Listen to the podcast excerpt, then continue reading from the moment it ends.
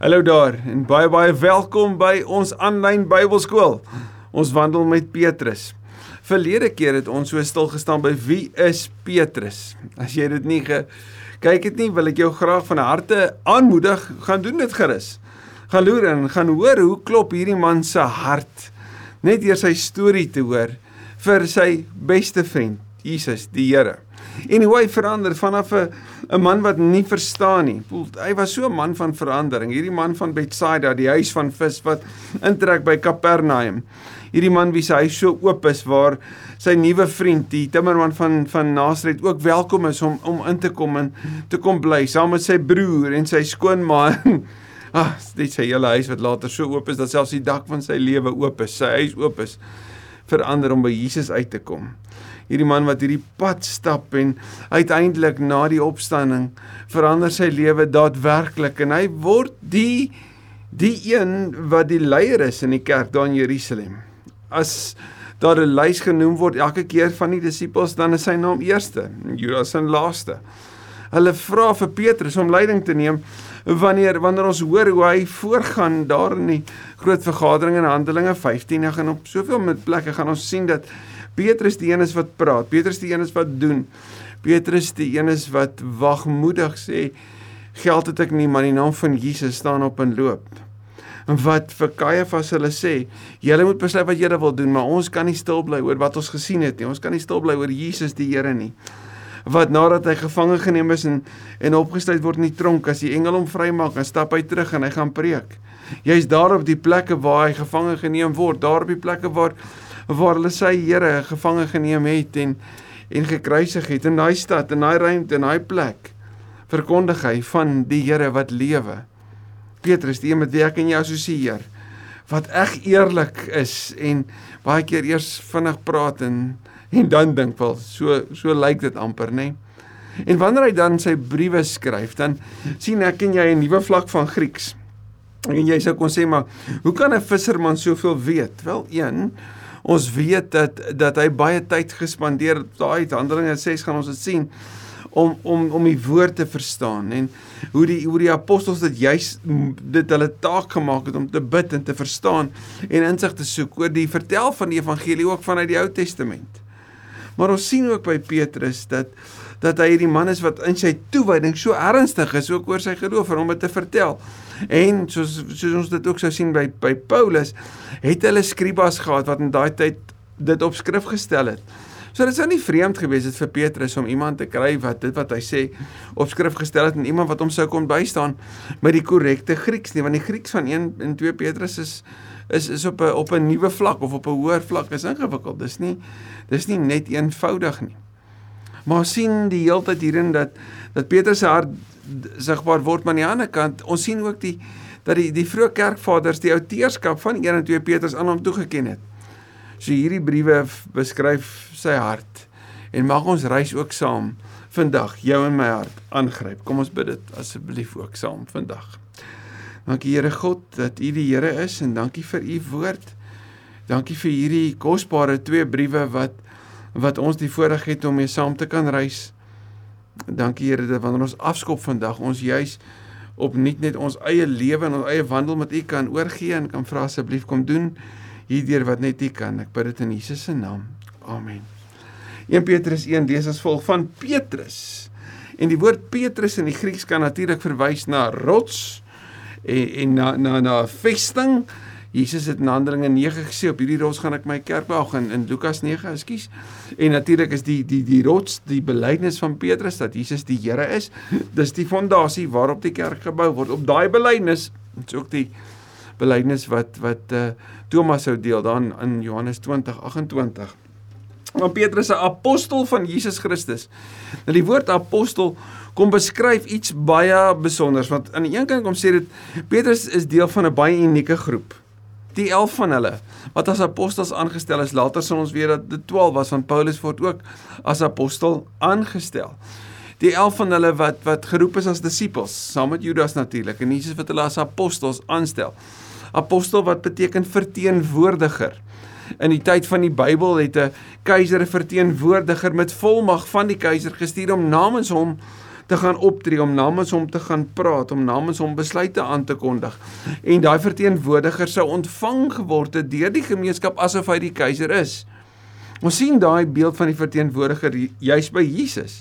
Jesus sê alles wat ek vir julle kom sê het ek by die Vader gehoor. En as hy klaar is, dan gaan hy terug na die Vader toe. Wel, dit was die reis van 'n apostel. Van die keiser af gekom, die keiser verteenwoordig en teruggegaan om te gaan rapporteer. En nou sê Jesus in, in Johannes 17 bid hy dit en hy sê dit ook in Johannes 20. Soos die Vader my gestuur het, so stuur ek julle. So Petrus, 'n gestuurde wat die wil van God bekend maak. Hy is 'n apostel en van wie? Van Jesus Christus self, nê? Nee? aan die uitverkorenes van God, vreemdelinge in hierdie wêreld.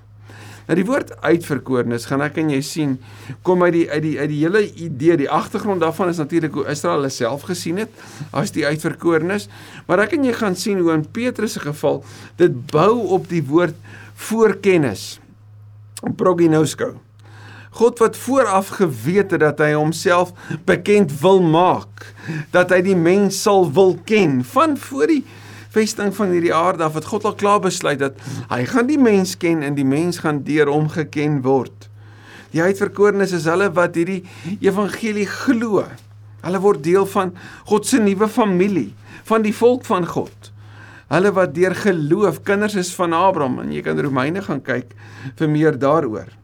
So aan hierdie hierdie hierdie groep mense wat toegewy aan Christus is, wat dit glo, vreemdelinge in hierdie wêreld. Nou die dit dit kom vertel van ons iets van wat in daai wêreld gebeur het. Die gelowiges wat vanuit Handelinge 1 vers 8 hoor ons hulle gaan die wêreld ingaan, maar Handelinge 8 vers 1 sê toe die vervolging uitbreek, toe hulle versprei reg oor die wêreld.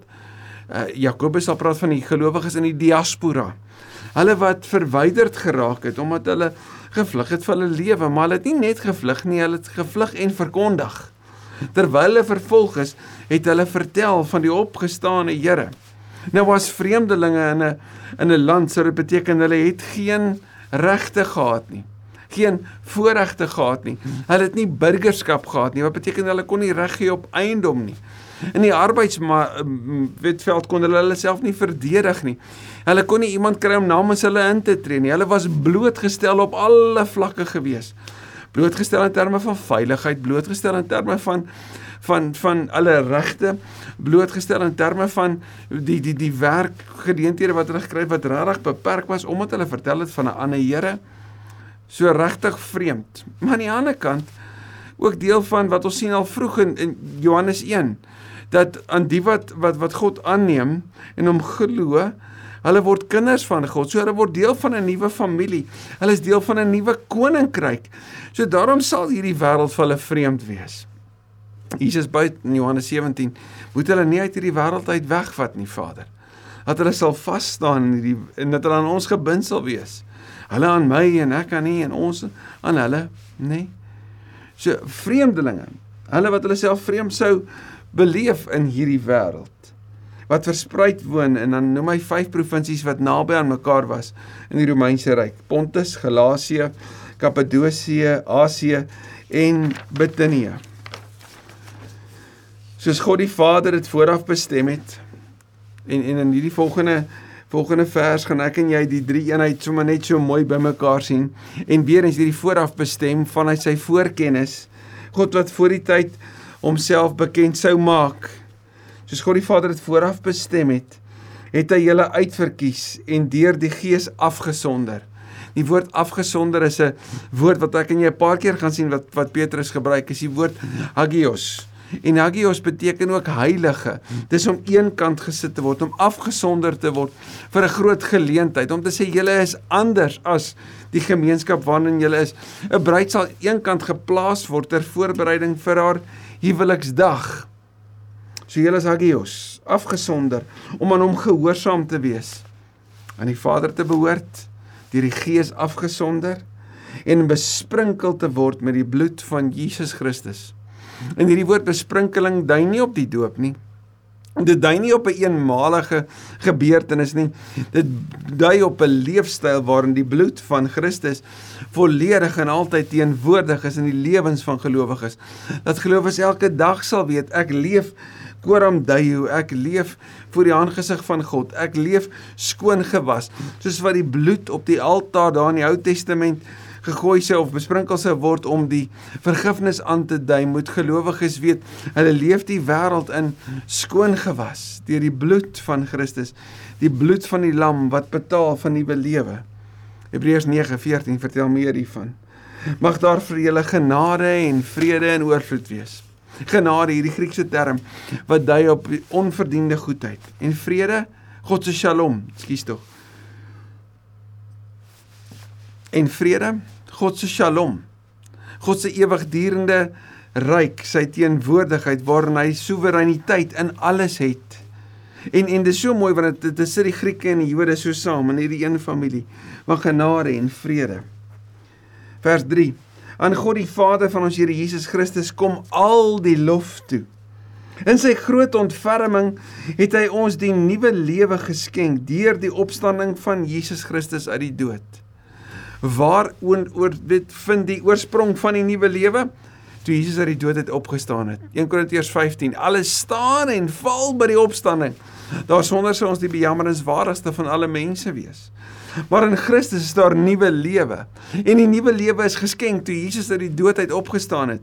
Die loon van die sonde sê Romeine 6 is die dood, maar die genadegawe wat God gee is die ewige lewe in Christus Jesus. Hy is die opgestane Here. En hoe het ons dit gekry? Deur die ontferming van God. Die God wat Eksodus 34 vir ons sê, is barmhartig en genadig, lankmoedig, vol liefde en trou. Wat Psalm 103 vir ons kom sê, om ontferm oor sy kinders. Dis 'n omgee term. Dis amper soos 'n baarmoeder, 'n omsluitende term wat sê maar kom naby, ek wil jou versorg. Deur sy ontferming het hy vir ons wat die nuwe lewe geskenk. Die lewe wat ons nooit sou kon verdien nie. Die lewe wat ons net kan ontvang En Petrus sê aan hom kom die lof toe en eie aan die briefstyl van die van die Nuwe Testament.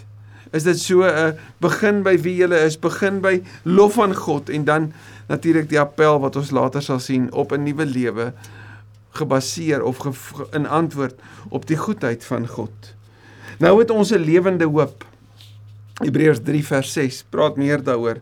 Romeine 5 en Romeine 12 vers 12 praat van van swaar kry wat lei tot volharding, wat lei tot tot egtheid van geloof, wat lei tot hoop wat nie beskaam nie.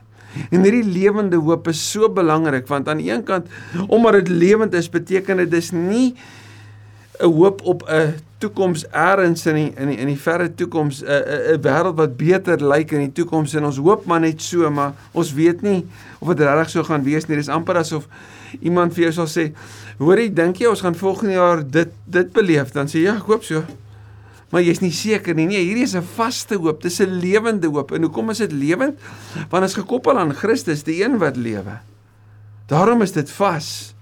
Die een wat vir altyd in ons teenwoordigheid is, omdat hy opgestaan het en die Gees gestuur het om by ons te wees. 'n Lewende hoop. En waarop het ons hier lewende hoop? En nou kom beskryf Petrus se lewe wat wag.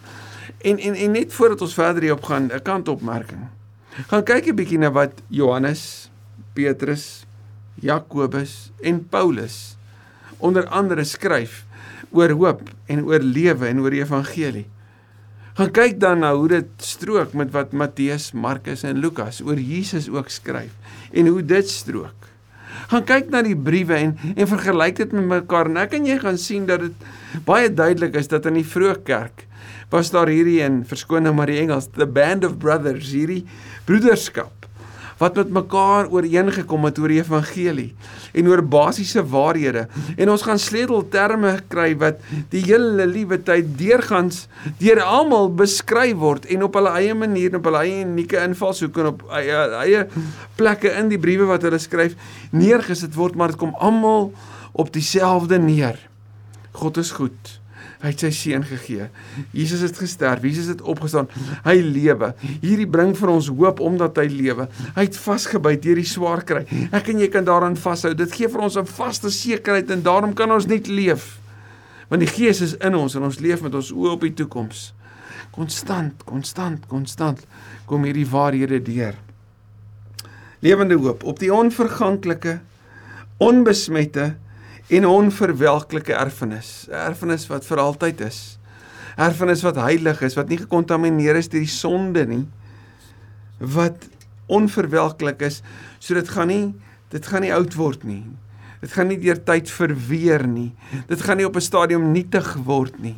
Dis 'n vaste sekere erfenis, 'n erfenis wat natuurlik gegee word vir kinders. Kinders wat ons sien in Romeine 8, ek en jy is wat ons kan God Abba Vader noem. Ons deel daarin, nê? Nee?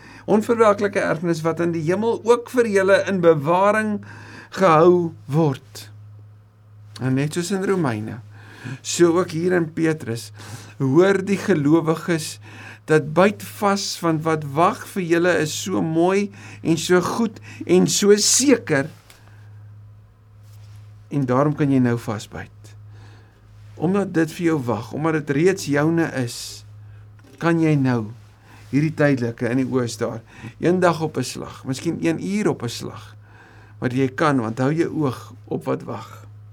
En omdat jy glo, word jy ook deur die krag van God veilig bewaar vir die saligheid.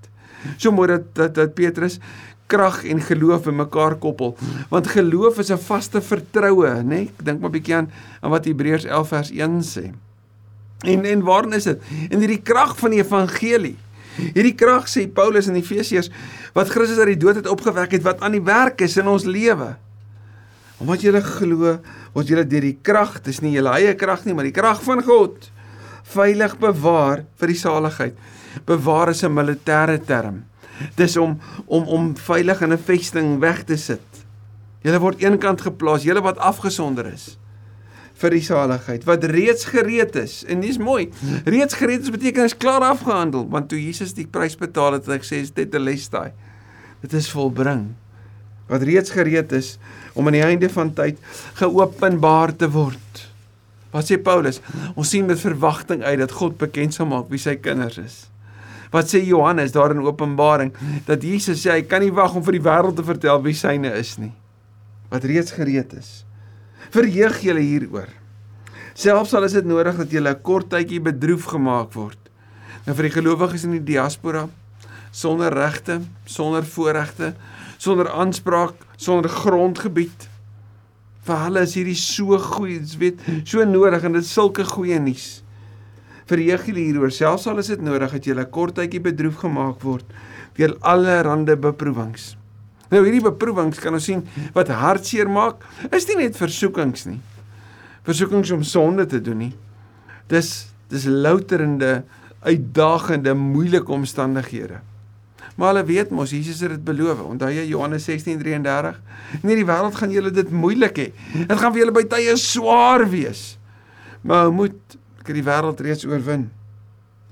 Al is dit nodig dat julle 'n kort tydjie bedroef gemaak word deur allerlei beproewings sodat Christian Wyk noem dit so mooi. Hy sê hierin kom wys Petrus dat daar ook 'n doel kan wees in die loutering van beproewings. Hoekom? Want hier is die uiteinde daarvan. Sodat die egtheid van julle geloof getoets kan word. Egtheid dui op suiwerheid, suiwerheid bring waarde na vore. Hoe sal jy weet dat iets suiwer is wel as dit nie gelouter is nie? Dan dan is dit nie suiwer nie. Maar as dit gelouter is en dit het deur die loutering gegaan, is sy waarde soveel meer as wat dit voor die loutering was. Hier is die gelowiges wat ek ken se stories. Hulle wat deur die smeltkroes van loutering gegaan het. Deur die swaar van verlies en uitdagings en hartseer gegaan het. Hulle kom op 'n ander plek met hulle geloof met hulle verhouding met die Here, met hulle verstaan oor die lewe, maar meer nog met hulle liefde vir ander. 'n liefde wat wat ontspring vanuit nature, maar dit sou nie daar gewees het as die smeltkroes van pyn en seer nie 'n realiteit was nie. O, hoe wens ek dit kon anders gewees het. Hoe wens ek dat ons geloof op 'n makliker manier gevorm sou word. Maar soos wat ek en jy weet, goeie dinge is skaars en niks wat die moeite werd is kom maklik nie, nê? Nee? Niks wat die moeite werd om na toe te werk kom maklik nie. Maar hou vas, die ewigheid is reeds my realiteit. Ja, maar ek wil al hoe meer word soos Jesus en en al hoe meer word soos die bruid wat by hom pas. Om dit te kom doen, het ek nodig om gesuiwer te word. Daarom moet ek hierdie smeltkroes van beproewing, van ongemak, onsekerheid, ag, noem dit wat jy wil. Deur dit alles gaan. sodat die egtheid van julle geloof getoets kan word. En hoor hierdie beskrywing. Julle geloof is kosbaarder, baie kosbaarder as goud. Goud wat vergaan. Hier is die nuwe standaard. Ons meet goud in karat. Die Hebreëse woord vir karat beteken letterlik, die Hebreëse woord karat beteken verbondsluit. En hoe mooi is dit nie dat die karat waarmee ons dit meet in die Hebreëus verwys na die verbond wat God met ons het. En ja, hierdie het nie direkte verband met mekaar nie en tog is dit so mooi om ook net in gedagte te hou. God se karat is sy verbond. Ons word gevorm na suiwerheid toe wat pas by daai karat. Die suiwerheid wat pas by sy verbond, sy liefde vir hom, vir sy wêreld. Selfs die suiwerheid van goud word met vuur getoets. Goud word gelouter. En die egtheid van julle geloof moet ook getoets word. Jakobus 1 vers 13 noem dit ook. En dit sluit weer eens aan by Johannes 16:33 sodat dit lof en eerlik en heerlikheid en eer waardig mag wees. Sonder loutering sonder swaar kry sal julle geloof nie die die waarde werd wees nie. Maar vanweë dit sal dit lof heerlikheid en eer waardig wees. Wanneer? By die wederkoms van Christus. Polycarpus was 'n persoonlike vriend van Johannes En daar word vertel dat Polycarpus op 86 jarige ouderdom word hy voor sy marteldood die vraag gevra ontken Jesus en en jy sal gespaar word van die marteldood wat hier voor jou wag. Polycarpus het gesê vir 86 jaar het Jesus elke dag vir Polycarpus liefgehê, liefgehad, vir hom versorg en hom gedra. Ek sal nie op een dag hom wil ontken. Hom wat so goed is vir my dat hy sy lewe vir my afgelê het nie. En daarna is Polycarpus van Smyrna wreed om die lewe gebring. Om met julle lief sê vers 8 en 9. Al het julle hom nie gesien nie. Daai Johannes 20 nadat Thomas het my Here en my God sê Jesus, gelukkig is julle, julle wat gesien het. Maar geseënd is hulle wat nie gesien het nie en tog glo. Hulle wat op die skouers staan van die ooggetuies wat daar was. Deur om te glo al sien julle hom nie nou nie, het julle reeds deel aan die saligheid. Wat bring ons op die plek van saligheid? Deur te glo. Gaan kyk weer Romeine 10, daar vers 9 en 10. Julle het reeds deel aan die saligheid wat die einddoel van julle geloof is. Hoekom sal dit die einddoel wees? Want die saligheid is om vir altyd by hom te wees. Ek kan hom nou leer ken, maar hierdie is nog nie die hemel nie. Hierdie is nog waar ons blootgestel word aan beproewings en toetsing en loutering en swaar kry en volharding en al daai dinge. Maar uiteindelik wanneer ons bevry is van die sonde, bevry is van die realiteit van verydeling en gebrokenheid, is ons vir altyd by hom en dit is die einddoel daarvan. Maar hoe kan ek nou al reeds weet dat ek by hom gaan wees? Omdat ek glo en omdat hy sê dit sal so wees. En dit vervul julle met 'n onuitspreeklike en heerlike bruidskap. sien die die fokus naamlik om vir altyd by hom te wees. Die sekerheid wat dat dit vas is, moet ons nou elke dag begeester en met blydskap vul dat as hierdie wêreld so stikkend om ons is, ons weet ons is op pad. Ons is op pad om by hom te wees. Hierdie wêreld gaan vergaan. Hierdie wêreld is my woning nie. Ek gaan by hom wees. En ek kan uitsien daarna. Dink net hoe dit moet wees om nie so vooruitsig te hê nie. Hoe swaar sal die reis van elke dag nie wees nie. Vers 10 in verband met hierdie saligheid, hierdie saligheid van ewig by hom wees, het die profete wat die genade verkondig het wat vir julle bestem is, deeglik en noukeurig ondersoek gedoen. Petrus kom sê dat die profete in die ou tyd het vertel van die saligheid wat wag en hulle wou seker maak vir wanneer dit is. En hoor mooi wat skryf hy: Die Gees van Christus wat in hulle was. Wow. Die Gees van Christus wat in hulle was.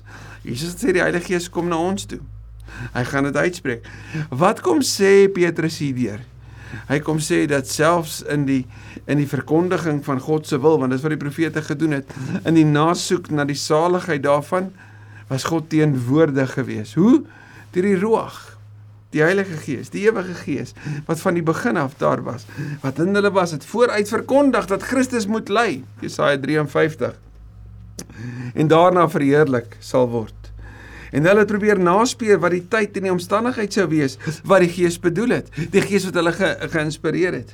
Aan hulle is geopenbaar dat wat hulle geprofeteer het nie vir hulle self bedoel was nie, maar vir julle.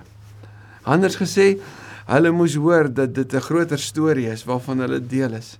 En dit is vir 'n tyd soos hierdie, in 'n oomblik soos hierdie, in die volheid van die tyd het dit gebeur en Petrus sê in julle tyd is hierdie realiteit.